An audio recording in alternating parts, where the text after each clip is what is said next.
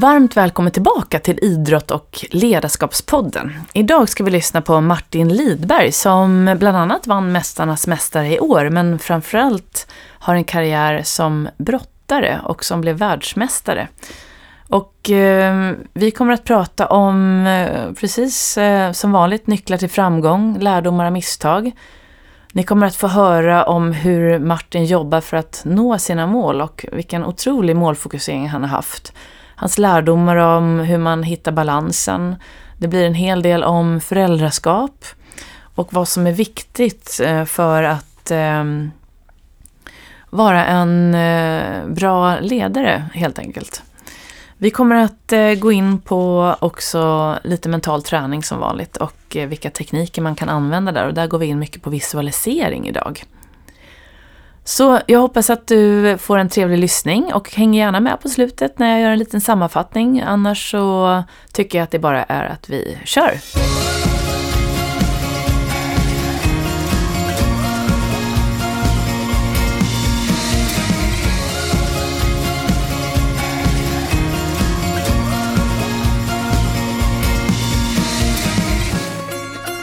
Idag har jag med mig Martin Lidberg. Och Martin är en svensk tidigare brottare som tävlade i grekisk-romersk stil. Han har vunnit flera EM-guld och ett VM-guld. Han har deltagit i tre OS, bland annat med två sjätteplaceringar. Eh, I juni 2007 så meddelade han att han slutade med brottningen. Eh, och efter det har det också hänt en hel del. Bland annat så blev han vinnare av tv-programmet Let's Dance 2007. Och under 2010 så vann han den fjärde säsongen av Superstars. Och nu senast i år, eh, i den nionde säsongen av eh, tv-programmet Mästarnas mästare, så vann han. Och han har varit Aftonbladets träningsexpert och varit programledare för flera program på tv. Idag jobbar eh, Martin som hälsocoach och mental coach och driver sitt egna företag. Ehm, och han jobbar då både med företag och enskilda personer. Han har skrivit flera träningsböcker och är en eftertraktad föreläsare och även en av United Influencers profiler. Så varmt välkommen hit Martin. Tackar, tackar Jenny. Är det något jag missat i presentationen som du vill lägga till? Nej, men det är ju sådär som efter idrottskarriären och som egen företagare så, så blir det att man, man gör mycket, man gör olika saker så att det finns en hel del och, och säkert att lägga till. Då. Men framförallt så har det varit inom träning och hälsa som jag har varit aktiv i. Då. Just det, var du var också eh, ambassadör för ett företag som rekryterar eh, personer efter deras idrottskarriär? Eller? Ja, jag sitter med och har ett samarbete då och jobbar med ett företag som heter Teambuilder då, mm. där, de, eh, där deras nisch är att stötta och hjälpa idrottare efter deras idrottskarriär då, ut i arbetslivet. Mm. Just det. Mm. Ja, spännande. Så vi kommer prata lite om massa olika saker här, men jag tänkte börja lite om liksom nuläget. Så vem är egentligen Martin Lidberg och vad gör du idag? Ja, vem är jag? Nej men jag, jag är en, eh, ja, en vanlig kille med två armar och två ben. Eh, en väldigt eh, glad person skulle jag säga till naturen.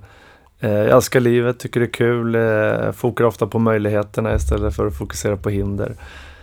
Eh, jobbar och brinner för att se andra människor växa på olika sätt. Det kan vara mentalt, det kan vara fysiskt, det kan vara i en karriär av något slag. Då, så att eh, det ger mig energi också. Då. Så det är väl lite om mig. Mm. Och vad gör, hur kan en dag se ut i din vardag idag? Ja, jag har ju min to-do-lista som jag alltid, alltid går igenom de flesta dagar. Det, mm. Jag har vissa, vissa dagar när jag nästan bara sitter och ringer samtal och sen har jag dagar när jag bara nästan svarar på mail och så har jag vissa mötesdagar. Så att ingen dag är den andra lik och det tycker jag är väldigt roligt också. Sen gäller det att fokusera såklart. Det är en viktig del för att eh, nå framgång även som, som företagare eh, på olika sätt. Då, så att, eh, mm. Men eh, Nej men så det, det, det, är väldigt brett. Ibland kan det vara att delta i en podd som här eller vara med i någon, någon, någon tv-framträdande och som kan vara en viktig del i marknadsföringen med det man håller på med också. Mm. Och ibland så gör man det bara av glädje om man tycker det är kul. Eh, till att eh, vara ute ibland och, och till och med träna människor som jag började då som fystränare och eh, personlig tränare. Så att några få sådana såna saker gör jag än idag då, som jag tycker är väldigt roligt. Då. Men jag har eh, kommit dit idag som är väldigt kanske få förunnat att kunna välja lite det, det jag vill göra. Så det är väldigt mm. roligt. Mm, okay. Så om vi ska prata lite om din idrott då, som brottning. Varför blev det just brottning som blev din idrott? Nej men jag... Eh, jag har väl haft något behov av att alltid vara aktiv och röra på mig och gärna genom att mäta krafter på olika sätt. Mm. Det var allt från att se vem som var snabbast till att brottas och klättra i träd. Och, så för mig var det väldigt naturligt att, att vara fysisk på olika, o, o, olika sätt. Och framförallt mm. genom att, att mäta mig med andra. Och eh, det var nämligen så att min lärare ringde hem till mina föräldrar och eh, tyckte att den här lilla grabben behöver ni sätta på en idrott. Han behöver få utlopp för sin överskottsenergi, sa hon då. Ja. Och eh, när jag fick höra det här så sa jag direkt att jag ville börja med brottning. Mm. Jag hade sett det på TV, jag tyckte det så fantastiskt roligt. Jag hade prövat det i skolan och så. Då, så det var väldigt naturligt. Jag mm. vet inte, det känns som jag var, var född och började börja med brottning. Då. Fanns det någon klubb då som du kunde lätt börja träna i eller? Ja, brottning var väldigt stor då på 80-talet. Ja, Frank Andersson det. var en känd profil då. Och eh, det fanns väldigt många olika klubbar i, bara i Stockholm. Mm. fanns det säkert en, upp mot nästan 20 föreningar. Idag har det minskat ganska rejält då, tyvärr. Mm. Men eh, så jag började i Spårvägens brottarklubb. För min morfar hade varit löpare i Spårvägen då och visste att det fanns en, en brottningssektion där också. Mm. Och när blev det allvar? Liksom, när kände du att det här är någonting som jag verkligen är riktigt bra på och kommer kunna satsa på? Mm, jag kände att jag, eh, jag hade talang. Tränaren kom fram redan efter första träningspasset och, och, sa till min mamma då, eh, hon blev väldigt stolt, att den här killen har talang och han kan gå långt. Och, och för mig så, så låg det väldigt naturligt. Jag tyckte det var roligt och jag hade hade, hade den här förmågan att, eh, att kunna kämpa och ta i då. Så att eh, jag förstod ganska tidigt att det här kan jag bli bra på. Mm. Och hade du några tydliga, om man tänker den här resan sen från det liksom till den här framgången som du sen hade då med VM-guld och att du var med i OS. Hade du några tydliga mål och drömmar som ung brottare? Ja, det hade jag verkligen. Jag sa ganska tidigt, redan som sjuåring, att jag ska bli bäst i världen, sa jag. Men då var det ju en, då var det en dröm såklart. Men mm. ju äldre man blev och ju närmare man kom det här och man förstod att man faktiskt hade kapacitet att också uppnå den här drömmen, då blev det helt plötsligt en målsättning istället. Mm. Så det hade jag absolut. Och vissa idrottar bara för att de tycker det är kul och det är fantastiskt att kunna göra det. Och vissa vill bli bäst i världen och bli, vill bli framgångsrika. Och jag hade det tidigt. Jag sa att jag ska jag ska bli bäst i världen. Sen var det ingen lätt resa, resa som man kanske trodde då. Man stötte på väldigt mycket hinder på vägen. Och det var, var tufft att lyckas med det då, men, men det gick. Ja, och det där är väl någonting som jag känner igen från andra framgångsrika idrottare. Att man behöver ha någon form av, att man, man kan kalla det kanske naivitet. Man vet inte man vet, har det här tydliga målet men man vet ju inte hur svårt det blir. Men annars skulle man inte våga ha målet heller. Eller Nej, drömmen. Så, så är det ju. Så är det ju. Skulle man veta vad som krävdes kanske innan då kanske man hade gjort något annat. Så är det väl. Men det är väl det som är tjusning, tjusningen också när man väl lyckas med någonting. Att man har fått kämpa och kriga hårt för att lyckas med det. Det. Ju hårdare man får kämpa desto, desto bättre brukar framgångarna smaka. Och eh, var kom den här inspirationen av att du verkligen kände så jag vill bli bäst i världen? Har du något minne av, var det kanske Frank Anders, hade du någon förebild som du blev motiverad av? Eller var kom den drömmen ifrån tror du? Jag vet inte, ibland känns det som att vissa människor föds med en viss drivkraft men jag tror också att, man, eh, att miljön påverkar väldigt mycket och jag hade jag hade ju föräldrar som hade mycket den här vinnarmentaliteten som hade hållit på och idrottat. Mina far och morföräldrar hade också hållit på med olika idrotter. Så att ingen hade ju brottats då, men alla hade hållit på med någon, någon typ av idrott. Och och det fanns väl lite den här tävlingsinstinkten och dåliga förlorare i släkten och så, så Jag tror jag fick det där överfört på mig på något sätt. Och, och ja, det fanns en, ett driv och, och, och vilja vinna och, och bli duktig på det jag gjorde. Då. Mm, mm. Och hade, vad betyder det, hade du någon tränare i så fall vad betyder den tränaren för dig på den här resan? Ja, jag har haft många tränare då, men eh, framförallt så hade jag en tränare som har betytt mest för mig och han heter Tibor Babos, en ungersk påbrå. Han var min första tränare som jag hade från sju års ålder och han blev också som en andra pappa. Mm. Han eh, fanns för mig hela tiden och man, alltså man levde ju på klubben i stort sett. Och man, reste runt hela världen på tävlingar och, och så. Då, så att, eh, och han hade den här öststatsmentaliteten.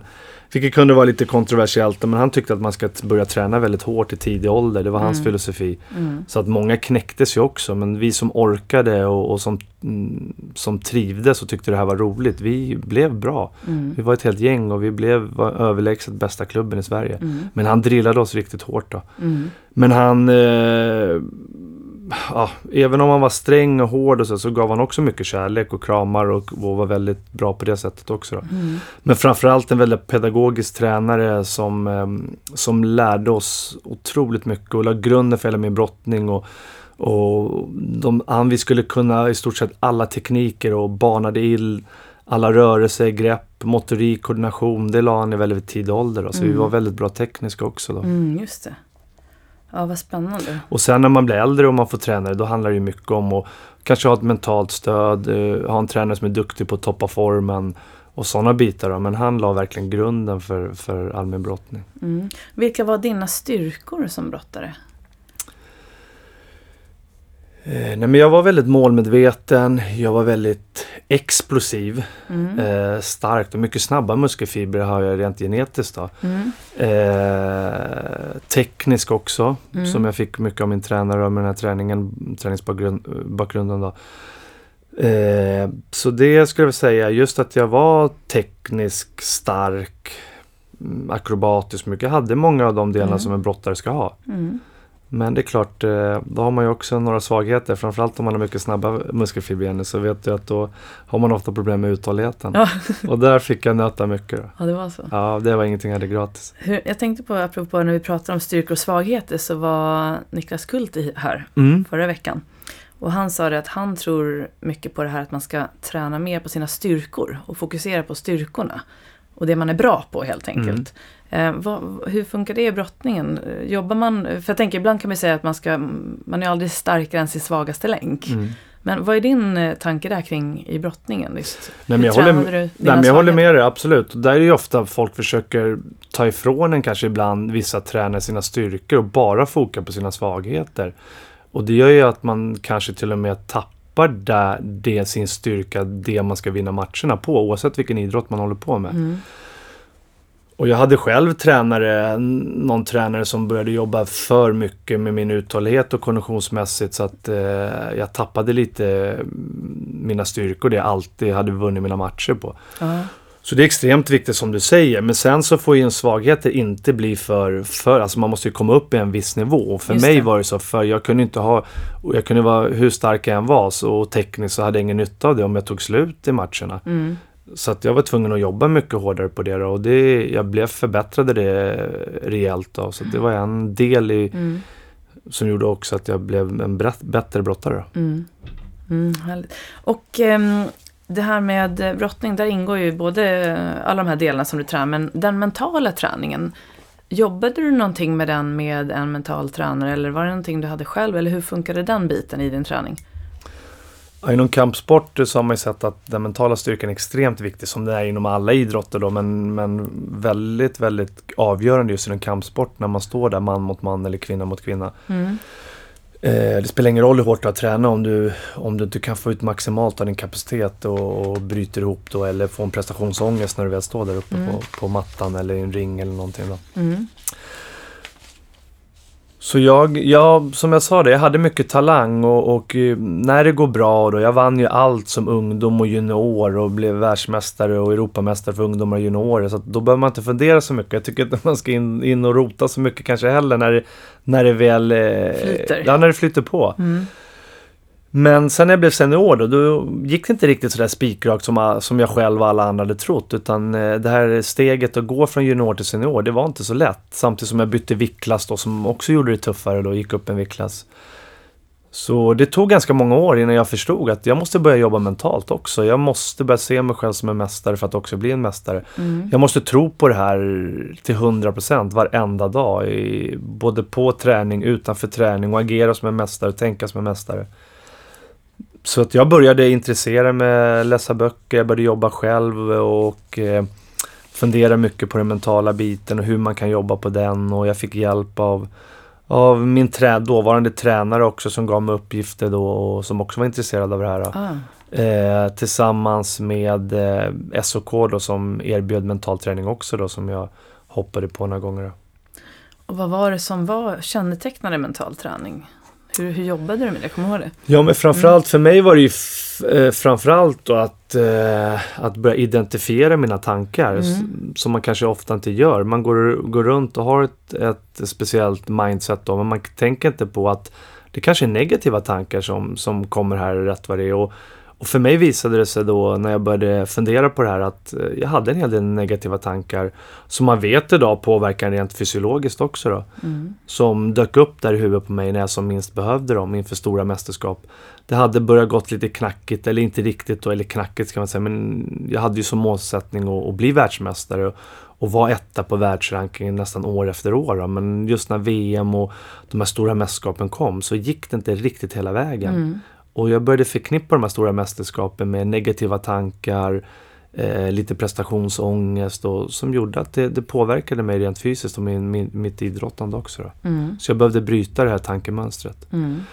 Och det handlade om att bryta ner mina tankar, identifiera dem och sen såklart ta kontroll över de här tankarna och styra dem i rätt riktning istället. In Mm. med positiva tankar. Och det krävs jobb för det. Det är inget som man bara kan bestämma sig här och nu. Att nu ska inte jag tänka negativt längre. Nu ska jag bara tänka positivt. Utan det, det krävs träning precis som man, man jobbar med den, med den fysiska biten också.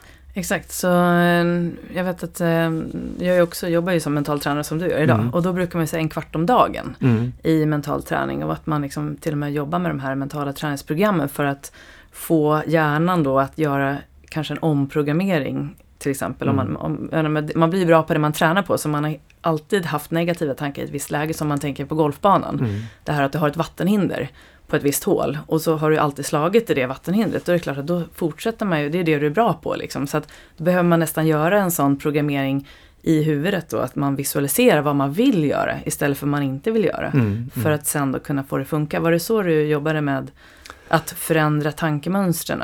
Ja, bland annat. Först var det ju, först, om vi pratar från, från den första början så var det ju så att de här negativa tankarna, de skrev jag upp. Mm, Började identif- identifiera dem då. mm, Sen skulle jag överföra varje negativ tanke till en positiv tanke, hur jag egentligen borde tänka. mm, Så när de här negativa tankarna infann sig då i mitt huvud, då, då, då var jag ju medveten om det här och tänkte nej men så där får jag inte tänka. Jag ska...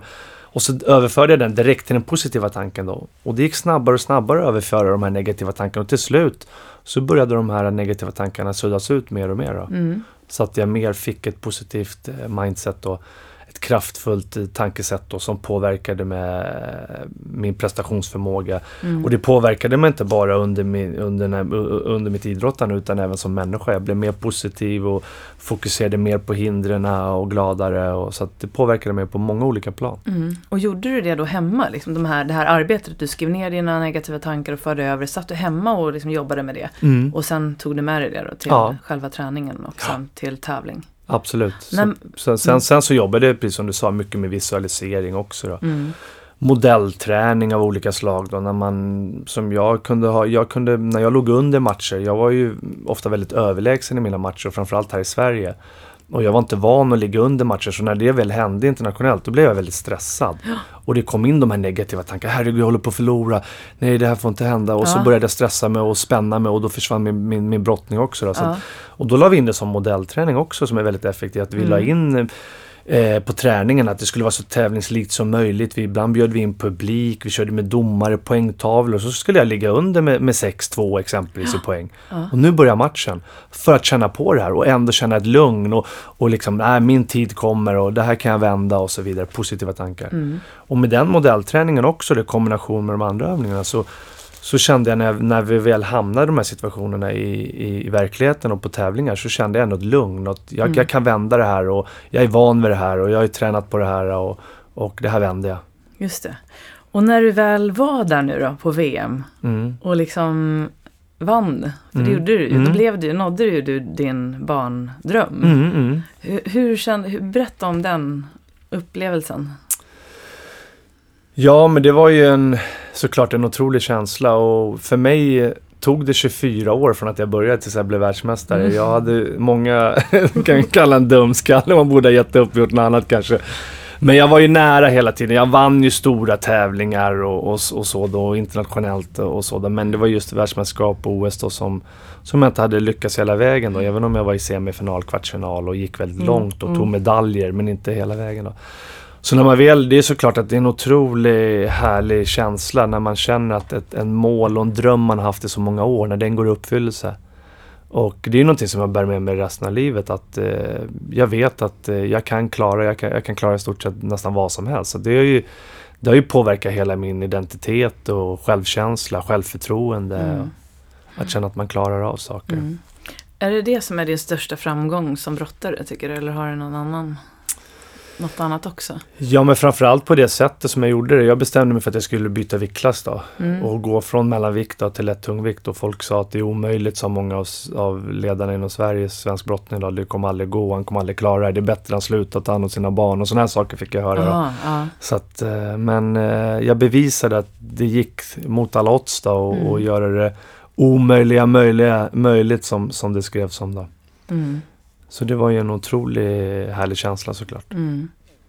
Och, och sen brukar man alltid säga att det man eh, tar med sig och som man, det man lär, lär sig mest om kanske är nästan ännu viktigare. Men vad är din största lärdom och som du liksom lärt dig mest av under din brottningskarriär? Nu när du ändå också jobbar så här med att utveckla andra.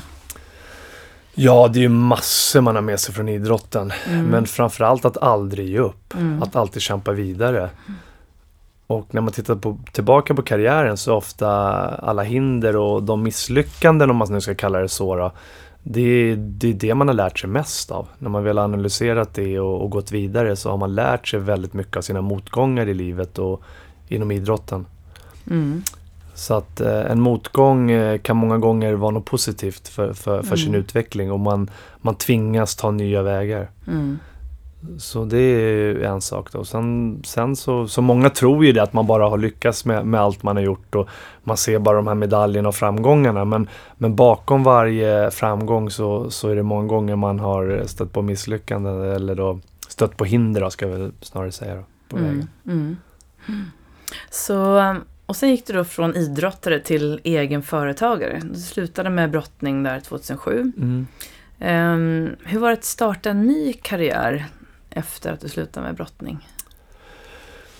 Ja, det, är, det här att driva företag, det är inte så lätt. Det, är, det är tufft. Eh, och eh, som individuell idrottsman så är man ju van att sätta upp sina egna mål och sträva mot ett mål då och göra sin egen planering. Kanske tillsammans med sin tränare och några få till personer. Men, men ett företag då, om man framförallt är anställda som jag haft, då eh, ska man ju dra skutan åt, åt, åt samma håll allihopa då, och sätta upp eh, tydliga mål och, och, planera hur ska vi ta oss hit och, och så. Det är, det är många hinder där också. Jag är väldigt imponerad av framgångsrika och duktiga affärsmän och affärskvinnor då, och, eller företagare. Då. Så det har inte varit lätt alla gånger heller men, eh, men det är väldigt, väldigt roligt att, driva företag och det är spännande och man får ju de här matcherna som man ibland saknar, saknar inom idrotten. Det. När det går bra så är det ju fantastiskt roligt att få glädjas med, med andra i, i, inom företaget. Då. Och samma sak ibland när man stöter på hinder, det har man med sig också att liksom nu eh, nu tar vi nya vägar och nya tag och man har det att man inte ger upp. Det har man verkligen med sig. Man, mm. man är beredd att kämpa i både motgång och framgång. Mm. Jag tänkte precis eh, fråga dig, så här, vilka fördelar du hade från att ha haft en idrottskarriär och sen liksom börja jobba som egen företagare i mer i, mot, mot kanske en annan vanlig arbetskultur så att säga. Vad, vad, vad är fördelarna mest? Nej, men jag tror det är det här jäkla namma, mm. drivet, eh, att kunna sätta upp eh, tydliga och naturliga mål. Eh, det finns otroligt mycket och sen jobba strategiskt långsiktigt mot det här målet. Mm där har vi med oss otroligt mycket och det är inte för inte att väldigt många företagsledare och företag vänder sig till oss idrottare för att få ta del av, av, eh, av de här lärdomarna och hur vi tänker och så. Mm. Men såklart, sen så gäller det att koppla på andra delar också för det, det är inte alltid lätt. Eh, som jag sa där, man, när man var individuell idrottare eller om man har på med lagidrott också då, så, så finns, det stor, finns det en del skillnader också såklart att driva företagen mm. och, och idrotta.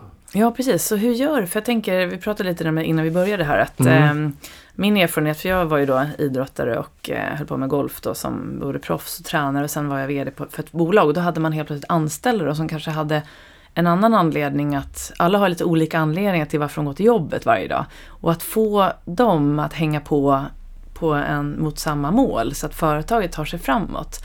Hur jobbar du med det? För du har ju också anställda i ditt Mm. bolag. Eh, hur jobbar du med, med den här målbilden och att sätta upp målbilder som blir tydliga och för att alla ska få den här båten att gå liksom i samma riktning? Nej men för mig är det jätteviktigt att man gör det gemensamt, sätter upp det målet. För det är inte så att alla ska sträva mot det målet jag själv har satt upp. Och som idrottare så, så många gånger så har man ett väldigt driv. Och det är inte säkert att de anställda har samma driv eller samma fokus som du har. Så det gäller ju såklart att identifiera målet. Att, att som jag var inne på lite tidigare, att man får alla med på skutan. Att eh, det här är en gemensam målbild vi har. Vi vill hit allihopa. Mm. Så att man tydliggör den. Det är ju extremt viktigt. Mm. Och sen då börja planera för hur ska vi ta oss till och mot det här målet då. För det kan ju vara så att alla springer åt olika håll. Eller jag har en målsättning. Vi ska bli bäst i världen. Vi ska bli det mest framgångsrika företaget. Det mest lönsammaste. Ja. Medan de andra, några känner att jag är nöjd om jag får min lön den 25 Ja, varje månad. Ja, Jag skiter för fullständigt hur Ja. det går för företaget. Ja. Och då är det såklart, då kommer inte företag gå framåt heller. Så att det är otroligt viktigt att man motiverar de anställda. Och sen är det så, vi motiveras av olika saker. Det som motiverar mig, det kanske inte alls motiverar någon annan i företaget. Och det, det gäller att se varje individ och, och verkligen se hur man ska hur man ska motivera varje anställd. Då. Så att det, återigen, det, det, det krävs bra ledarskap för det. Det är inte lätt heller. Nej, och hur, hur gör du där för att f- få veta liksom, att alla är med på tåget? Träffas ni en gång i veckan, en gång per månad? Eller hur, hur jobbar du med den biten för att känna att, du, att de är med? Liksom? Nej men framförallt att prata med, med sina anställda. Jag tycker det är jätteviktigt. Man får ju såklart ut jättemycket bara ställa frågan. Mm. Eh, vad motiveras du av? Och det behöver inte vara så krångligt och så svårt utan prata med varandra. Ställ frågor det du vill veta. Och, och vad motiveras du och vad tycker du är roligt? Och hur skulle du vilja jobba? Och hur ser du på företaget? Vad har du för målsättning? Har du någon egen personlig målsättning? Eh, vad krävs för att du ska bli ännu mer motiverad eller vad det nu var? Mm. Den, den absolut största motivationsfaktorn där, det brukar ju vara utveckling. Och det är ju otroligt viktigt att såklart att, att de anställda känner att de får utvecklas. Mm. Och så hur, nu är vi inne på din verksamhet och, och så. Ehm, vad är det ni, du jobbar, ju hälsa och så är mental Mm, coach. mm. Så vad, vad är det ni gör? Kan du berätta lite mer om exakt liksom vad? När det, gäller, när det gäller hälsa och, Mm. och träning, då har jag jobbat väldigt brett inom hälsoträning och där jag driver jag mitt eget företag och jag anlitar ibland konsulter. Jag drev Svenska hälsocampen tidigare där jag hade mina egna camper både i Sverige och utomlands då, och där var vi ju ett stort team som jobbade då. Och, så att, eh, det är bland annat då. Men eh, när jag pratar om anställda och så, då är det ju, har jag ju ett delägarskap i det här rekryteringsbolaget bland annat då. Eh, där, vi, eh, där nischen är, framförallt min uppgift, att hjälpa och stötta idrottare efter idrottskarriären. Då. Mm, Många som känner att de kanske tappar sin identitet och Mm. De känner ett tomrum efter idrotten. De känner kanske en del att det här är bara det jag är duktig på, det här jag kan, vad ska jag göra nu? Mm. Eh, så det eh, och det är ju känslor man själv kan känna igen sig i då, Mm. efter idrottskarriären ibland. Mm. Man känner det här då. Mm. Ehm, så när du jobbar nu som coach och, så jobbar du både med idrott och andra. Vad, tyck, vad, vad verkar vara det viktigaste idag? Om man tänker på din karriär, du började ju för länge sedan och idag är det ju på ett, det har hänt väldigt mycket och sådär. Men vad tror du man behöver för att lyckas som idrottare idag? Vad är viktigast för att lyckas idag tror du? Ja, det är en bra fråga. Mm. Nej, men jag tror väl inte att det har förändrats så mycket. Du behöver ju såklart, det är ju en, det är en, väl, det är en helhet med allt från att du behöver en bra tränare, du behöver de absolut bästa förutsättningarna med tränare, bra ledare, du behöver eh, bra träningskompisar, du behöver stöttande föräldrar. Det har man ju sett är extremt viktigt idag. Att, att föräldrarna verkligen finns där och är med och stötta och kanske till och med skjutsa till träningarna idag. Det kan vara långa avstånd och så att eh, ja, det finns ju mycket att prata kring det men, men just när man börjar idrotta så, så behöver man den här helheten och bra Mm. människor runt omkring sig. Mm. Och som egenskaper, liksom, är det någon, vi pratade lite om det här med att, att du hade det lite redan från början det där. Tror du det är någonting man kan utveckla eller är det någonting man bara har? Nej det tror jag absolut. Mm. Det, det är någonting man kan utveckla och det har jag sett många gånger att många ungdomar, pojkar och tjejer som kanske inte har det här riktiga drivet men det föds långsamt och det, även där så behöver man ju titta vad är det som motiverar den här personen. Mm. Eh, och, och kanske individanpassa träningen lite mer. En del behöver mer, mer mental eh, uppbackning och en del vill köra med sitt eget race. Och, så att, eh, Mm. det är nog verkligen någonting man kan träna upp. Och också det här att kunna träna hårt. Vissa säger, nej men jag, jag kan inte underkasta mig sådär hård träning, jag har aldrig kunnat ta ut mig. Utan det är också en träningssak. Mm. Det är någonting med att, pressa kroppen och, och ta nästa steg då i sin träning. Det, det krävs träning. Mm. Och sen, du berättade ju förut, apropå nu det här vi pratar om lite grann vad, man, vad som krävs av en person idag för att lyckas och så. Så pratar du om det här med att, eh, det här med att förlora. Eh, och att man har en vinnarskalle och sådär. Och eh, ibland undrar man träffar ju oftast, eller mycket ungdomar eller barn framförallt, som, har, som blir så otroligt förbannade när de förlorar. Som har verkligen den här vinnarskallen. Mm. Och då kanske de får höra liksom, men det är, inte, det är inte så viktigt, kom igen, det är bara en tävling, ta det inte så hårt och sådär. Och samtidigt så, vad kan, en, vad kan man göra med de som verkligen, du vet, riktigt så här, eh, är riktigt så här dåliga på att förlora. Och samtidigt så ser man att det är också en fördel för att kunna nå till toppen. Mm. Vad behöver man, har du någon, eh, någon tips liksom till, säg att det är någon förälder som lyssnar nu som har en Mm. ungdom eller ett barn som är väldigt sådär, så att det blir, eh, den bara springer iväg och gråter efter en tävling eller och Mm. kan inte hantera det. Nej, men jag tycker det är viktigt att prata med, med individen då, med, med, med det här barnet. Att, eh, jag tycker det är extremt viktigt att vara en bra, bra förlorare också. Mm. Och jag var inte det själv många gånger. Det, det kunde slås i dörrar och, och slänga grejer och vara jätteförbannad framförallt som barn då. Mm. Eh, men eh, jag hade föräldrar och tränare som sa det att det är väldigt viktigt. Du, du, ska vara, även, du ska vara både en bra vinnare och en bra förlorare. Eh, så att, att vara en bra förlorare är ju såklart väldigt viktigt också. Mm. Att ändå visa sin motståndare respekt.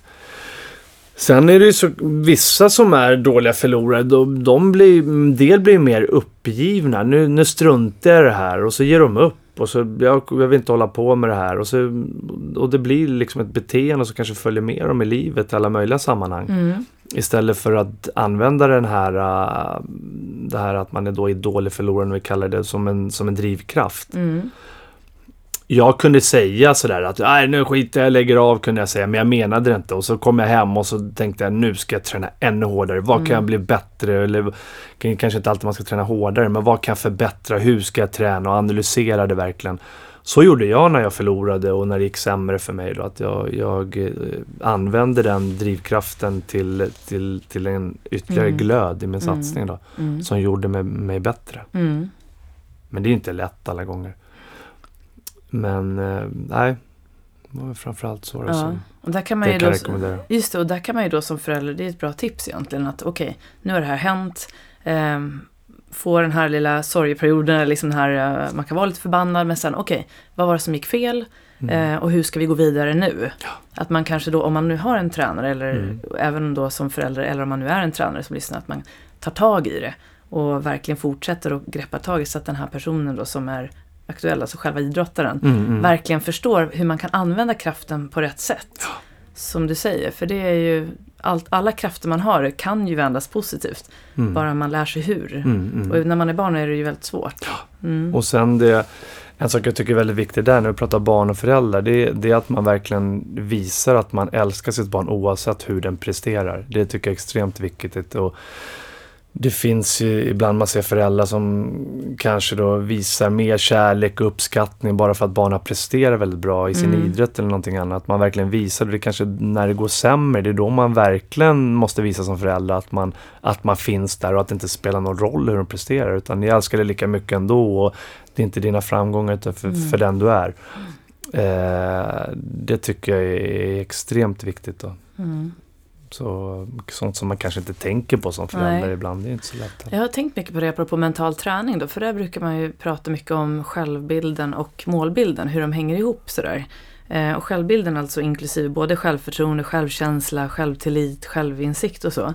Att om den inte, den byggs ju väldigt mycket från grunden och man kan alltid förbättra den. Men eh, att man liksom tänker mycket på det eh, som tränare och coach och förälder. Att den är ju den som lägger grunden för resten. Och har man en dålig självbild till exempel, då blir det jättesvårt att sätta tydliga, rimliga målbilder. Då är det lätt att de här målbilderna antingen blir för djärva eller för låga. Mm. Men om man har den här självbilden med sig, att, är, att man känner sig trygg, man tror på sig själv, då är det lättare att ha de här djärva mm. målbilderna. Så att genom att jobba där parallellt med målbilden ja. Så kan man få större chans att lyckas. Just det. det är min, märker, märker jag mycket hos dem jag jobbar med. Att eh, ibland glömmer man bort självbilden. Det är så vikt, man kanske hänger kvar för mycket med mm. målbilden ibland. Mm, mm. mm. Jo, precis. Nej men det, så det, jag har fått frågan ibland sådär men för min, min lillebror Jimmy då blev ju väldigt framgångsrik i brottning också då, och mm. tagit både VM och EM och OS-medaljer så att han, eh, men ibland om föräldrar och så här, men när jag tänker tillbaka så våra föräldrar, de, de har verkligen stärkt upp självkänsla och var verkligen med och bidrog till det. Det, det spelade ingen roll när vi när vi förlorade matcher och, och, kom från, från mattan så kom mamma, hon framförallt som alltid var med när vi var små, hon sa alltid men gud vad du är duktig, gud vad du kämpade bra kunde säga fast man tyckte själv att man hade varit jättedålig. Men någonstans så satte det där så liksom man, man stärktes av det ändå och man visste att det spelar ingen roll hur jag presterar. Mm. Eh, mina närmaste tycker jag ändå att jag är duktig och att jag har mm. kämpat och gör mitt bästa. Eh, Medan man såg andra ibland som kom av mattan. Man kunde se ibland barn som skräckexempel där de fick en örfil av farsan när de klev av mattan. Ja. För att de hade mm. förlorat. Mm. Eh, hörde och hemska saker man har hört. Eh, barn som har fått stryk när man kommer hem för att de har gjort en dålig prestation nästan. Sån mm. Och för de barnen har man ju sett, det gick ju väldigt dåligt för dem då på många olika sätt. Mm. Och deras framförallt eh, självkänsla blev ju ja, noll i stort sett. Mm. Och livrädda vad pappa eller mamma skulle tycka då när de gjorde en, en sämre match. Då. Tittade mer på, på, på föräldrarna vid sidan än att koncentrera sig på matchen. Mm.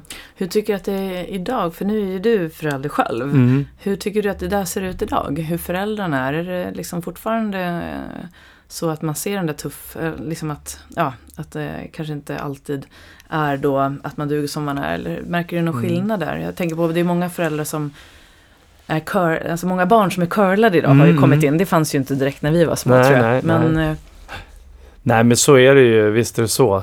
Föräldrarna gör ju allt åt dem, eh, många idag och till och med nästan tränar åt dem.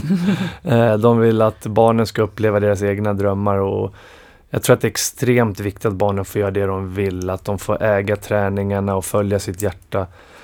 Det var ju som min egen son, han började ju, han började med, med, med brottning. Eh, och var väldigt duktig, hade talang och sådär. Men eh, det var någonting han, mm, som inte liksom, den här glöden riktigt. Och någon dag när vi åkte ner så till träningen så sa han då, så kom jag ihåg, ungefär som han hade en klump i magen. Ah. Och så sa han då, då kom det ut och då sa han, pappa jag vill inte hålla på med det, sa han. Då var han väl tio år, han började väl när sju och sånt där. Mm. Då, jag vill spela fotboll som kompisarna sa Då sa jag, men du är inte det här du ska hålla på med. Du ska inte hålla på med det här för min skull, bara för att jag håller på med brottning. Du ska följa ditt hjärta och göra det du är. Mm. Så vi vände bilen och åkte hem från parkeringen och mm. åkte aldrig mer tillbaka. Så att eh, det, det, är extremt viktigt att barnen får, får göra det de själva vill. Mm. Sen tycker jag man kan vara med och pusha också. Det är klart att det händer, händer gånger när, när barn, nej men jag vill inte träna idag, nej men nu går du på det här, då får du gå kvar den här, den här terminen och dina klubbkompisar tränar är där för din skull. Så att jag tycker ändå man ska kunna vara med och pusha och, och, och stötta och, och ställa krav också, mm. så länge de är rimliga. Mm. Mm. Ja men precis. Men det är inte lätt att vara förälder. Jag vet själv, min grabb, då man har tränat med en och, man är, man är, och ibland så känner man nej jag ska bara vara pappa. Och så ibland känner man sig nästan som en tränare för honom. Och ibland mm. känner man så här, har jag pushat för mycket nu eller för lite? Eller ska jag inte bry mig alls? Alltså, det är en jättesvår balansgång mm. som, som jag tycker är svårt. Ja.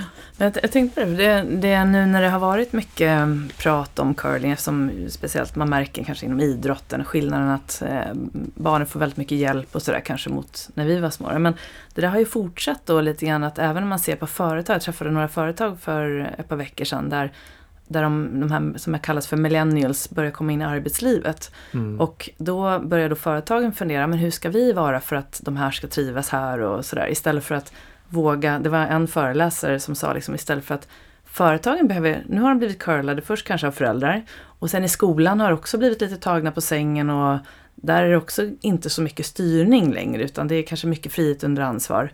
Eh, och sen kommer det till företag så ska företagen också börja anpassa sig efter de här barnen när de kommer dit. Så att, att det är viktigt att sätta ner foten och, och ställa krav tillbaka.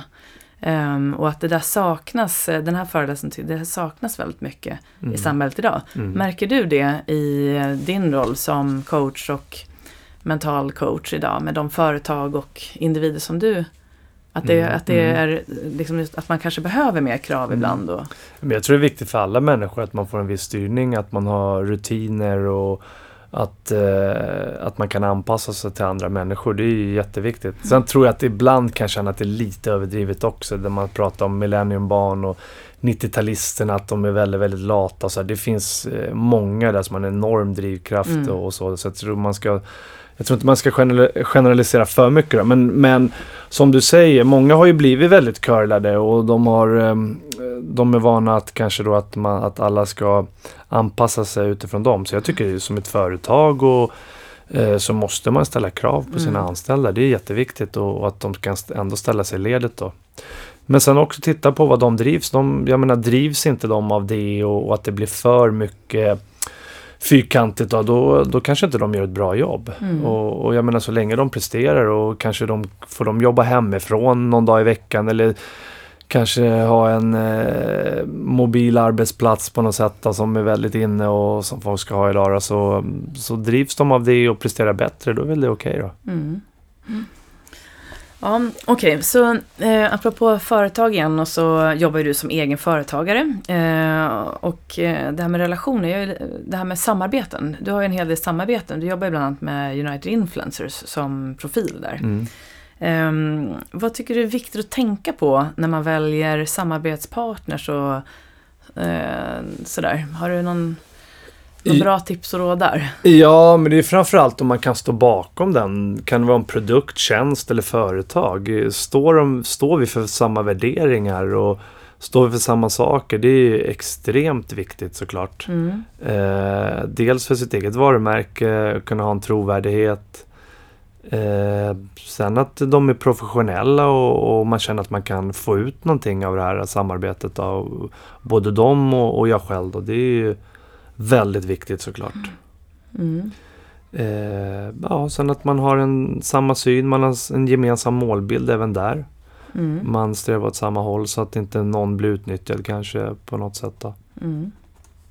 Ehm, hur jobbar du med eh, som influencer idag i ditt företag? Jag tänker på, vi pratade lite om marknadsföring och, och så. Hur mycket behöver du liksom lägga ner tid på den, den biten själv? Är det du, söker du upp eh, egna samarbetspartners eller kommer de till dig eller hur funkar det?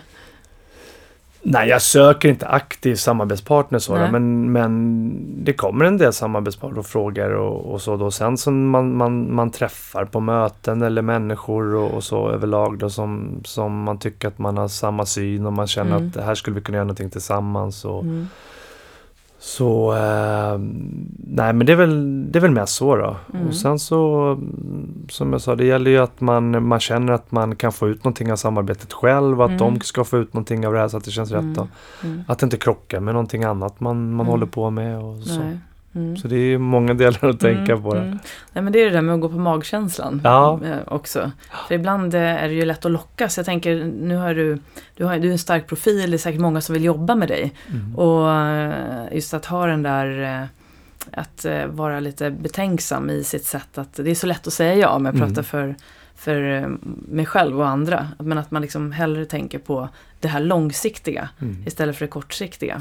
Nej men det är jättesvårt som eh, som, eh, som du säger när man jobbar som influencers eller, eller, eller man är en profil och sådär. Man får vissa erbjudanden Mm. och framförallt när man syns och det har gått bra i någonting. Mm. Då många som hör av sig så det gäller ju verkligen att, att välja. Ofta kan man ju bara ha några få samarbetspartner. Mm. Mm. Eh, återigen för sin egen trovärdig, trovärdighets skull Mm. och varumärke och så. där. så att, eh, det är inte alltid lätt. Men det gäller att, att, att välja såklart och, och sen så hur man ska jobba. Mm. Ja, spännande. Så lite grann det här om balansen mellan privatlivet och eh, verksamheten. Du har ju tre barn. Mm. Eh, och eh, du har ju haft barn både i din idrottskarriär och nu då i din eh, företagskarriär. Så hur jobbar du med att behålla lugnet och ditt fokus själv för att få det att funka? Eh, tänkte du med, med både idrotten och Ja, både- familjeliv och Ja, får precis. allting att flytta på? Eller det, ja. kombinationen av allting? Ja. Ja, Eh, nej men jag tycker jag hittar en bra balans. ja. Det, det krävs eh, rutin även för det och jag tycker det, man går tillbaka en tio år sådär så tyckte jag det var svårt att få balans i det här och jag kan känna Mm. att jag jobbade för mycket. Mm. Det var för mycket fokus på, på jobbet. Men idag så tycker jag att jag har en väldigt bra balans mellan mellan, eh, mellan att arbeta då och familj och, och umgänge med, med, med, med barn och vänner och familj och fru och så vidare.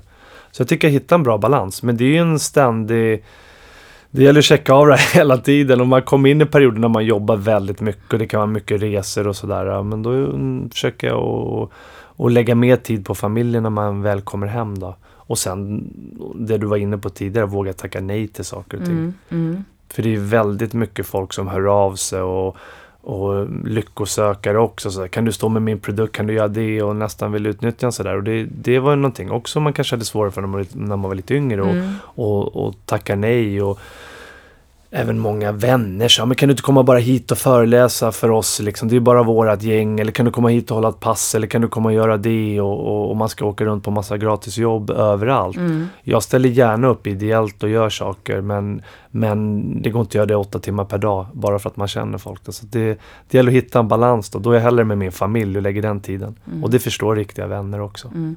Så hur gör du för att komma ihåg det? För jag vet, det är så lätt att bli kanske uppslukad. Du är också en engagerad person och positiv. Men så hur gör du för att påminna dig eh, om det här eh, med vad som är viktigt och att verkligen komma ihåg att man behöver ha den här återhämtningen för att orka och så vidare. Mm.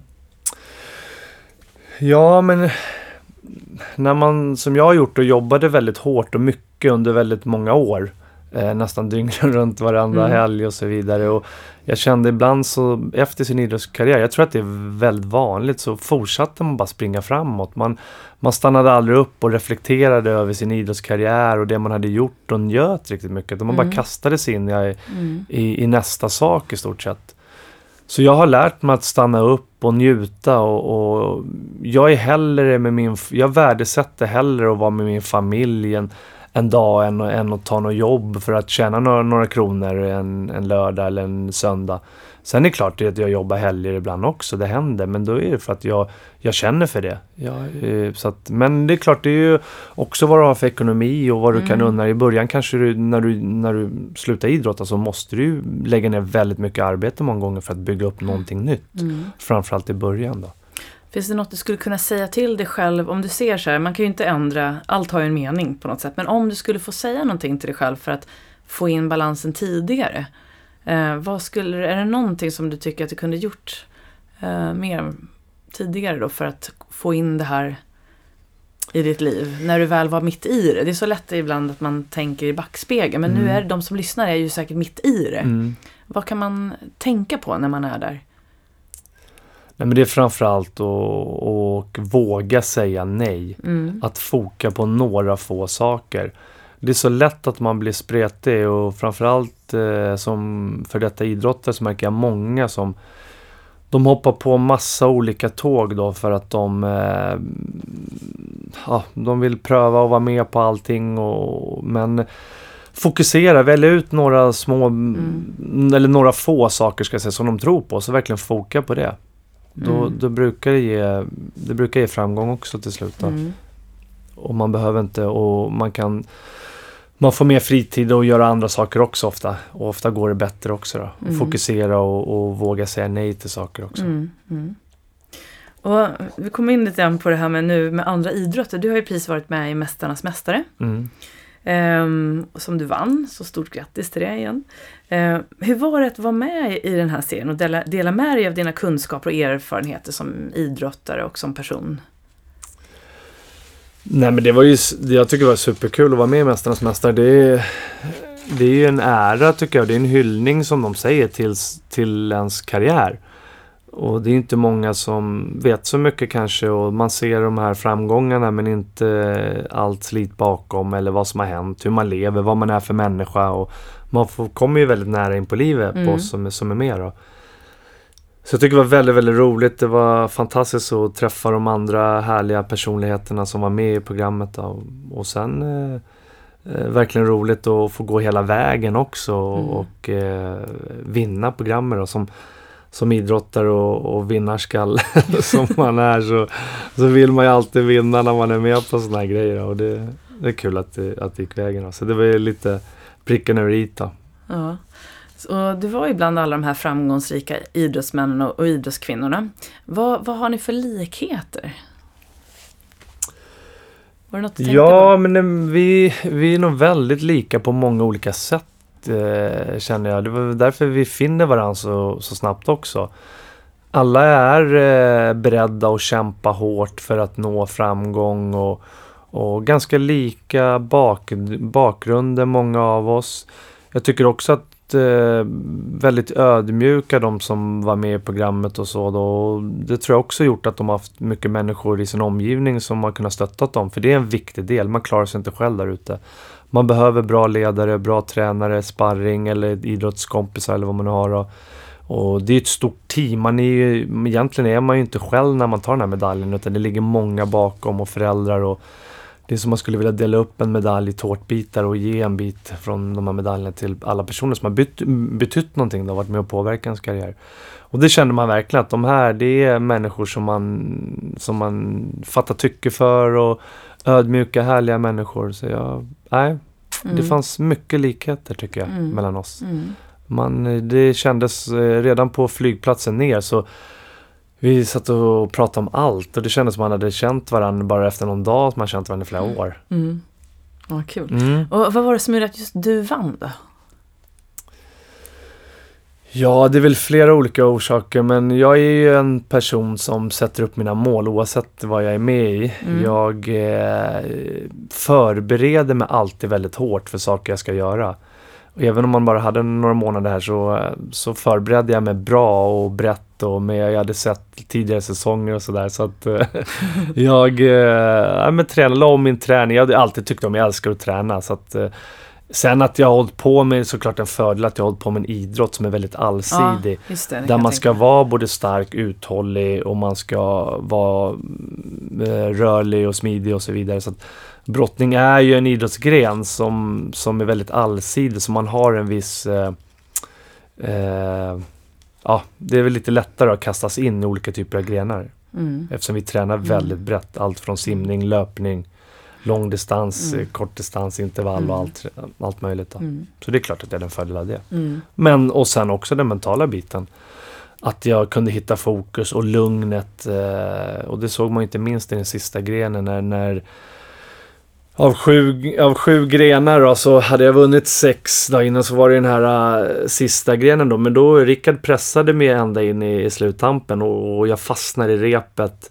Eh, och det är så otroligt lätt att bli stressad. Jag kände först stressen och så direkt, nej jag måste hålla mig lugn. Ja. Måste jag, och inte den här rädslan att förlora utan och ingen, att det inte kommer den här stressen för då är det kört. Mm. Och ändå lugnade ner mig, fokuserade, lugn, lugn Martin, det här self-talk och sen så hitta mm. tillbaka till repet. Mm. Och jag märkte att han var väldigt stressad när han kom fram och skulle skjuta pilarna och, och, och jag satt och, och, fick vänta då och sitta av eh, tid där och, och sen när jag kom fram då kände jag redan där att jag, jag kände jag kommer vinna det här. Ja. Jag, jag tar det här. Och sen så första pilen jag drar iväg då, de träffar i stålkanten då, var nära att den satt i redan första pilen då och mm. han hade väl missat säkert en 20 pilar. Mm. Och så skjuter jag några till då och sen sätter jag. Mm. Så det är väl en kombination då, att man, av alla de här delarna. Just det. Och när du, när du försökte hitta lugnet, gjorde du någonting med andningen då? Eller var det bara ditt self-talk som du sa? att det... Nej, men mitt self-talk, och det är klart att jag har nytta av att jag har varit i stressade situationer många gånger tidigare i brottningsmatcher. Mm. Jag har legat under och tränat på det här. Mm. Att inte ha den här stressen. Eh, att man inte får bli rädd att förlora. Att liksom, okay, om jag blir tvåa, det är inte hela världen. Nej. en, det är en viktig, viktig del för att få bort den här prestationsmål och kunna känna lugnet. Ja, För är jag rädd att förlora, då kommer stressen det. och det påverkar mig rent fysiskt också. ja. Så det var ju, men som du sa också, tänka på andningen och lugnt och, och, och försöka komma ner, hitta positiva tankar. Och Mm. Jag kan komma tillbaka, jag, kommer, jag tänkte till mig själv att eh, ta det lugnt nu och så ska vi göra vårt bästa så kan det räcka långt där, Mm. kommer jag sa till mig själv. Mm. Så du vann ju Mästarnas Mästare, så har du vunn- vunnit Let's Dance och även det här Superstar. Så jag pratade med Helena Alfredsson, vi gör eh, träningsresor ihop, så vi var precis förra helgen i, nere i Evian och ska åka dit igen. Och då berättade hon lite, som du var inne på också, det här med vikten av förberedelse. Så att eh, när man vet vad man ska, som när man håller på med en idrott, eh, som i hennes fall golf då, då, då har man ju en tävling, man vet exakt hur man ska förbereda sig. Men nu nämnde du att det var ju jätteviktigt att förbereda sig för det här också, även om man inte visste exakt vilka grenar du skulle ha. Så kunde man ju kolla och försöka förbereda sig. Var det så du gjorde när du var med i Let's Dance och Superstars också, ihop med din vinnarskalle? Just den här, jag tänker på vikten av förberedelse liksom. Hur, Mm. Ja, men jag förbereder mig alltid. Tackar jag ja Mm. till någonting, då, då förbereder jag mig noga och, Mm. och vill prestera bra i det. mm, Och det var likadant med Let's Dance. Och där kunde jag applicera mycket av det i mitt, eh, i, från min idrott. Då, och, och gjorde en... Eh, ja, det finns mycket att berätta om det. När jag föreläser brukar jag dra in en hel del roliga saker då, Mm. som, eh, som hände under Let's Dance. Då, och hur jag försökte applicera det mentala biten även där. Då. Även om det var ett roligt program så ja, folk tycker mig, åh gud vad jobbar han jag ska, måste han vinna allt han var med om. Men, Mm. men jag tycker det är kul och, och, och inte alltid vinna också till det här också och försöka se hur bra man kan bli. mm, Och när jag kom in i Let's Dance, jag var ju som ett kassaskåp. Jag kunde inte röra mig i stort sett. Jag kommer ihåg Tony sågade mig totalt efter, Tony Irving då, domaren Mm. där, totalt efter första programmet. Och jag tog han bakom kulisserna sen och så sa Tony, hur fasiken, menar du att jag dansar sämre än Lasse Brandeby? sa jag till honom. Ja. Ja men han håller ju takten i alla fall, sa. Och jag åkte hem och så satte jag på mig ett par hörlurar och satt och räkade takter. Jag tror jag gjorde det i flera dagar. När jag skulle sova också. Ett, två, tre, fyra, fyrtakt, åtta takter. Och du vet, jag hade svårt med det. Jag hade Ja. aldrig tänkt på att musiken var indelad i takter. Att man skulle följa. Ja, man lyssnar på musik och man sjunger, men det Ja. var ju inget hade så, Och började och blev bättre och bättre på att känna takterna. Och, Ja. och sen så gjorde jag massa olika förändringar och så. Så att det var kul att se hur man kunde utvecklas. Och, ja. och sen att det gick hela vägen var ju en bonus då. Allt är möjligt. Allt är möjligt. Om man förbereder sig Mm. och verkligen sätter upp sina mål så kan man lyckas med det mesta i livet. Så är det Mm. i stort sett allting. Då. Så, så du har ju verkligen varit på toppen, både i idrottskarriär och liksom varit på toppen i det du har företagit, det du verkligen har tagit tag i. Ehm, jag har, vi har varit inne lite på det. Men jag har många misslyckanden också. Ja. många och som jag var inne på innan igen. Det, Mm. det är alla, alla de här hindren man har stött på vägen där man kanske inte, inte har lyckats. Det, är- alltså, det är där man har lärt sig mest och Mm. det är det som är utvecklande. Så de ska Mm. man ta tillvara på de tillfällena. Men om man bara springer förbi Mm. och inte utvärderar sina misstag, då kommer man inte lära sig någonting där. Så det är viktigt. Just det, så egentligen min fråga då, dina bästa råd till dina kunder eller elever för att lära sig prestera på topp och må bra på vägen. Mm. Hur, hur, hur lär man sig att ta ett misstag till exempel, eller ett misslyckande när man Mm. känner att man är... Har du något bra råd eller tips där? Men för mig var det så, jag hade ju en viss prestationsångest under en tid och, och eh, ibland krävs det bara en liten, liten tankeförändring som kan, kan göra att en hel, hel prestationsångest försvinner. Mm. Och för mig var det så att eh, eh, just de här förlusterna. Jag kände också press gentemot min omgivning. Jag ville betala tillbaka med vinster till alla som har ställt upp för mig. Ja. Jag ville inte svika mina tränare och mina föräldrar och alla som var med överallt genom att förlora. För jag, ville, jag visste hur gärna de ville att jag skulle lyckas. Mm. Och det gjorde att, att liksom tyngden blev ännu större och jag fick en viss prestationsångest. Men eh, bara genom att prata med min tränare och jobba på det här med mina tankar så började jag tänka att varje förlust som jag, varje, varje gång jag förlorar en match så ska jag utvärdera den förlusten. Vad gjorde jag, vad kan jag göra bättre? Vad gjorde jag mindre bra? Eh, kommer jag att göra den här utvärderingen så innebär det att varje förlust jag har kommer att göra mig till en bättre idrottsman. Mm. Varje förlust jag stöter på, varje nederlag kommer att göra mig till en bättre idrottsman. Mm. För jag kommer att utvärdera den, kommer att lära mig någonting av den förlusten och det kommer att göra mig ännu bättre. Mm. Så helt plötsligt börjar jag tänka att vad fasiken, varje förlust även om jag förlorar så kommer det göra mig till en bättre idrottsman. Och det kan ju låta negativt, men det var så att bara den lilla tanken Mm. gjorde att den här rädslan att förlora Ja. försvann. ja. Det är fantastiskt. Mm. Så att man nästan vill förlora. Ja, man vill inte, men, men att Men att det- rädslan försvann. Det är precis, rädslan för att jag visste Ja. att förlora det. Jag kommer redan om jag hade förlorat match så redan direkt tänkte jag okej, nu ska jag Mm. utvärdera den här. Jag kommer lära, jag ska inte stöta på samma hinder igen. Mm. Och eh, det kändes som att det verkligen blev bättre för Mm. varje gång jag hade, hade ett nederlag. Då. Sen går man ju inte in och, och ska förlora, för det, det är klart, då är man illa ute. Utan, utan alltid göra sitt bästa och kämpa. Så. Ja. Jag brukar nämna en historia för mina elever. Det var när jag var på college och det hade gått jätte... Jag var egentligen bäst som på college innan jag började spela för pengar. Då vann jag inte. Men på college var jag riktigt bra. Mm. Och då var det inför en tävling som det var några som sa att men nu kommer landslagscoacherna komma och kolla på dig. Och det var liksom, jag visste att de skulle vara där så jag blev jättenervös. Mm. Och det slutade med att jag kom sist i tävlingen. Mm. Jag var liksom sämst av alla verkligen. Och jag kommer ihåg hur ledsen och arg jag var. och Sådär. Men sen hade jag då en coach som bara sa i princip sådär att det här kommer göra dig till ännu bättre i framtiden. Och det gjorde att tävlingen efter vann jag för första gången. Ah, kul. Men det var ju klart att det var ju fruktansvärt jobbigt när det hände. Men så här i efterhand såklart att det hade, jag hade nog aldrig vunnit om jag inte verkligen hade blivit sämst. Nej. Men vad starkt att lyckas bryta det tankemönstret. Och det är det som... Ibland så, så krävs det bara en liten, liten Mm. tanke. Att förändra ett tankesätt. För att för, förändra liksom en hel prestationsförmåga. Och, så att, ja, det, det är lustigt det där. Och sen, det är inte lätt det här med mental träning eller hur Mm. vi tänker. För det behövs också individanpassas. En del, vissa saker funkar för vissa och vissa inte alls. alls Mm. då. Men eh, jag tycker att en viktig del också det här kan också låta väldigt negativt, om, eller kan låta negativt, men det är också att förbereda sig på förlust. Mm. Och då menar jag med, om jag till exempel, jag vet jag satsar på OS, om fyra år ska jag på OS.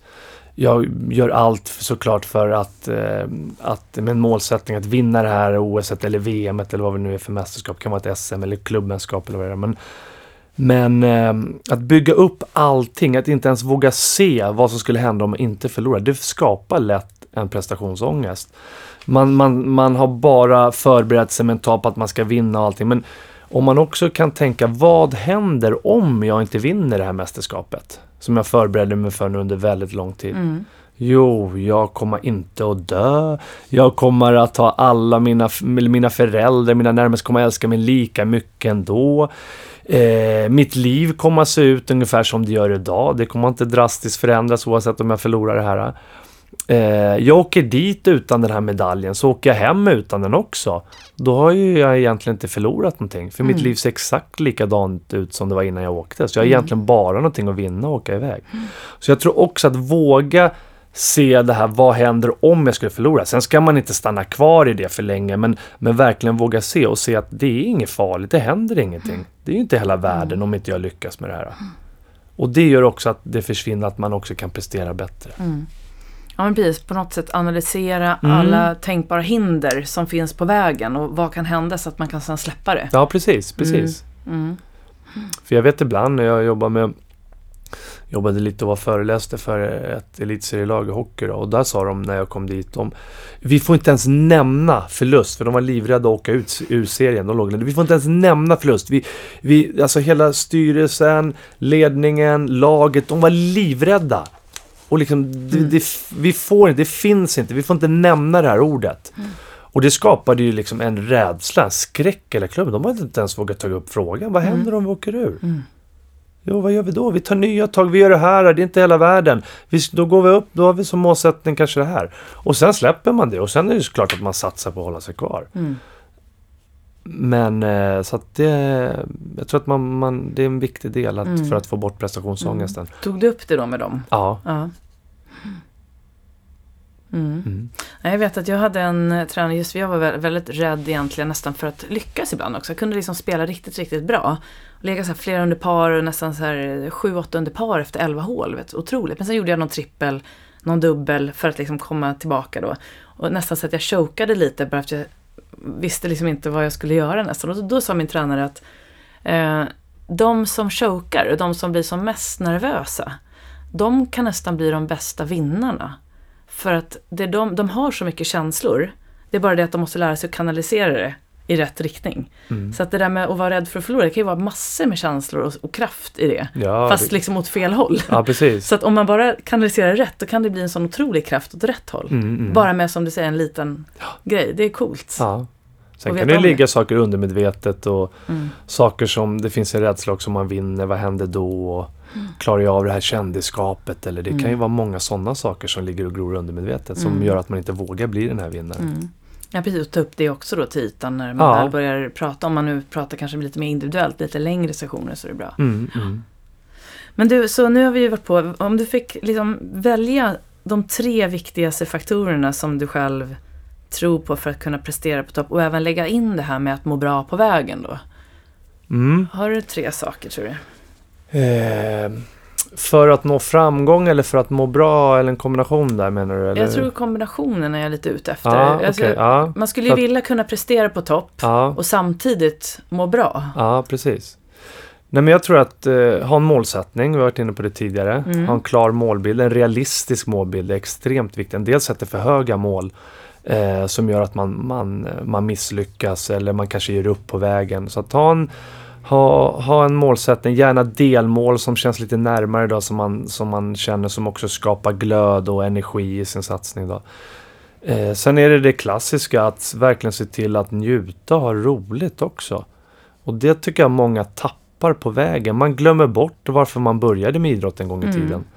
Mm, till slut så är det bara de här framgången man, man, man jagar men man har, man, man har inte alls roligt, man njuter inte längre.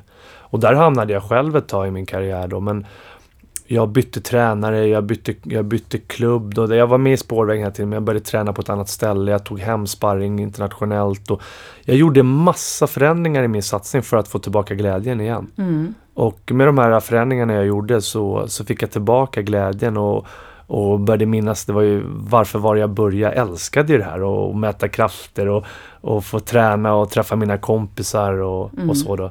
Jag hade ett team då som jag valde ut som jag tränade med och också då som människor som jag trivdes med och som gav mig energi då. Mm, så verkligen ha roligt, njut på vägen. Det är extremt viktigt. En karriär är inte så lång och, och jag tycker om man inte njuter någonting, om man bara jagar framgångarna, då kommer det inte vara värt eh, att nå det här målet heller. Mm. Eh, eh, och sen så, ja, kanske det är inne på det här också. Det finns ju många olika delar att rekommendera. Men just det här ha bra människor i sin omgivning. Att umgås med, med människor som eh, kan lära en någonting, som kan bidra till ens framgångar. Men också människor som man mår bra med. Br- Bra tillsammans med då. Det finns många eh, blodsugare där ute om man ska säga så. Som eh, bara vill ha ut någonting av det själv och de, de syns och finns där när det går bra, såna här ryggdunkare. Men sen när du är nere i svackor, för alla får svackor förr eller senare, då, då finns de inte alls där. Så verkligen, och det lär man sig ju på vägen. Att verkligen se och, och vilka människor som betyder och finns där när det blåser hårda motvindar också. Mm. Mm. Mm. Ja, kloka råd. Du, eh, vad har du för framtidsplaner nu då? Apropå mål och drömmar. Ja, jag, nej men jag trivs väldigt bra med livet som det är nu och jag är, är glad för att eh, för varje dag när jag vaknar upp. Jag tycker varje dag är spännande när jag ska åka iväg på, på jobb och, och göra olika saker. Så jag har ju många både drömmar och mål inom in mitt liv som, som eh, företagare. Då. Eh, så det, nej, det är jättespännande. Mm. Eh, ja, en sån här eh, gillar livet och tycker att det är kul. Så Mm. jag har ju många mål då, men vissa som jag har satt för mig själv då, så jag kanske Nej, inte för mycket här. Men jag har inga idrottsliga mål sådär direkt. då, Men, men jag vill ändå hålla mig i bra form och, och, och träna. Det tycker jag, det älskar jag. Det, det är en viktig del för att jag ska må bra. Mm. Eh, jag vet att får jag inte träna på, går det en vecka då börjar det krypa hela kroppen. Då Mm. kan jag bli sur och grinig. Ja. Så det, det är viktigt för mig att, att träna också. Ja. Har du någon coach eller någon mental tränare som du går träffar då och då? Eller någon mentor? Nej, ja, en mentor kan man säga. Jag har ju eh, Jag har ju en fantastisk människa som har betytt mycket för mig både under och efter min karriär och han heter ju Magnus Nylander och han är doktor och näringsfysiolog. Mm. Eh, så att han har blivit ett mentalt bollplank för mig och han är en sån här som de han jobbar med och då, nu är det ju mest när det gäller näring och så och näringsupptag och, och kost och så som han jobbar med. Då. Jag jobbar med många landslag i Sverige, både internationellt och i Sverige. Mm. Och individuella idrottare. Men han är en människa som har betytt väldigt mycket för mig och bara genom att prata med honom så känner jag att jag får kraft och bara vet Mm. att han finns. Han har alltid trott på mig och funnits där och även när mina när jag liksom när det gått som mest tung, tyngst då, så har han alltid funnits där och, och trott på mig och det har betytt jättemycket. Mm. Han har varit väldigt viktig för mig. Mm. Inte, jag vet eh, bland annat i EM i Moskva år 2000, jag skulle hoppa över det mästerskapet. Jag hade känt mig i bra form. Han och jag var iväg på en resa tillsammans. Eh, där vi, skulle, vi hade lite arbets, arbetsresa i USA där, men vi skulle också skulle vara lediga någon vecka. Och han peppade mig där, men du ska vara med på EM och åk dit, ha kul, njut och, och, och vi åkte, och jag bestämde mig för att åka på EM då när jag kom hem ändå efter den semestern. Och åkte dit och totalt krossade allt motstånd. Slog ut världsmästaren ryssen då i, i semifinalen och vitryssen i finalen där och släppte, jag tror inte han släppte en poäng på hela tävlingen då. Så att det är en sån här hur verkligen hur, när människor tror på en och Mm. finns där, vad, vad de kan ge en energi. Mm. Och det är ju verkligen mental boost om något. Alltså, Ja. Ibland behöver de inte göra och säga så mycket, bara veta att de finns där och Ja. tro på en betyder jättemycket. Jag tänkte, jag var med själv på en podd här förra veckan och då kom vi fram till att varje, då pratade vi om vd-skap, men då varje person borde ha en caddy. Ja, En caddy är ju som en mentor. Men Just just, att oftast när man pratar golf, det som många spelare säger det är att när relationen med caddien funkar, den är ju med dem hela tiden. Då, då går det bra. Man ser att den caddien får ju dem att skratta och förstå att det är roligt, förstå att de liksom alltid har gjort sitt bästa och hela tiden tar fram det här lugnet i dem. Så att det är lite så att ha Ja. en mentor eller en caddy, det är nog inte helt fel. nej. nej men han är, jag pratar med honom nästan dagligen och jag, Ja. jag känner varje, varje gång jag pratar med honom så, så känner jag mig liksom st- stimulans och glädje och, Mm. och sen har han lärt mig otroligt mycket också och, och, och han är en av bidragande orsaker till att jag också började intressera mig mycket om träning och hälsa. Mm. Mm. Ja, spännande. Det känns som att nu kommer vi in på det här med kost och sånt. Vi kanske ska fortsätta en Mm. timme till här. men ehm, ja, nej, men jag tror att vi, eh, vi får avsluta där och eh, det var otroligt spännande att höra din, din bakgrund, din historia, dina tips och råd och att du kom hit och kunde dela med dig av din eh, både inspiration och erfarenheter och kunskaper till lyssnarna. Ehm, och vad kan man läsa mer om dig om man är nyfiken på vad du gör och så? Nej men jag har ju, man kan, eh, jag har en hemsida, martinliber.com där jag skriver lite grann, en del vad jag gör och, och Mm. eh, även där står lite vad jag jobbar med och så. Eh, sen har jag som alla andra mm, ja, Instagram då, där mm, vill inspirera lite ibland till träning och olika övningar kan det vara lite blandat. Så också där man kan följa lite grann vad jag, vad jag är med om. Då. Ja, vad heter Instagramkontot? Ja, det är Martin Lidberg. Martin Lidberg. Ja. Ja. Ja. men bra, då ska vi följa dig där. Fantastiskt. Men du, tusen tack för att du kom hit Martin. Jätte, jättekul. Tack, så mycket, tack för att jag fick komma. Och varmt lycka till med allting. Detsamma Jenny. Tack. Tack.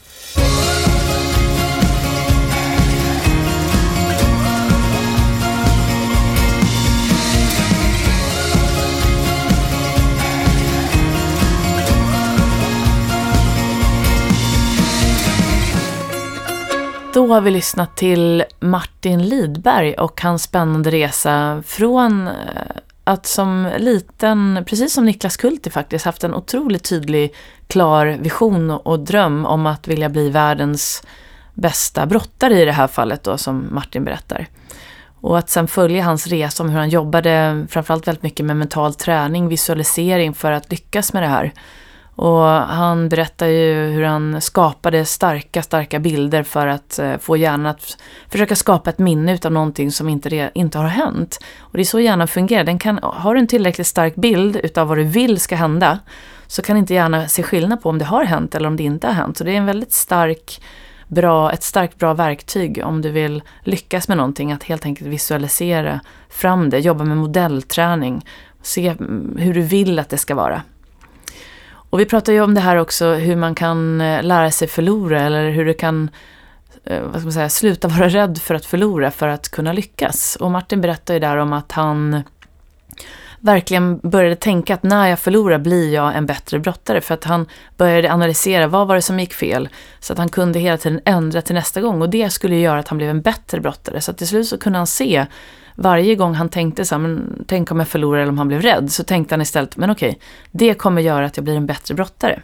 Och han jobbade mycket med att bryta negativa tankar, ersätta dem med positiva. Det är också en träning man brukar säga att mental träning behöver du jobba med ungefär en kvart om dagen för att se skillnad. Så har du mycket negativa tankar, det är bra att börja uppmärksamma det för att de styr mycket mer än vad du tror.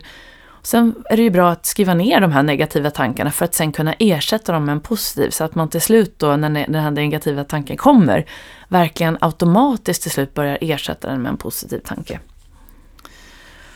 Och sen så var det ju väldigt eh, nyttigt att höra och det tror jag alla föräldrar försöker med såklart. Men just det här att man visar sina barn att man älskar dem oavsett hur de presterar. Så att det finns en stark vilja av att bygga barnens självkänsla, inte bara självförtroende utan självkänsla så att de vet att de duger som de är. Då kommer de att prestera bättre. Att aldrig glömma bort det. Det gäller tränare också för den delen, att man försöker hela tiden lägga in kärlek och värme i den hårda träningen som man också såklart behöver för att lyckas. Så det var en hel del eh, nyttiga saker. Jag hoppas att du har fått med dig mycket kunskap och inspiration. Och eh, vill du läsa mer om Martin Lidberg så kan du gå in på martinlidberg.com.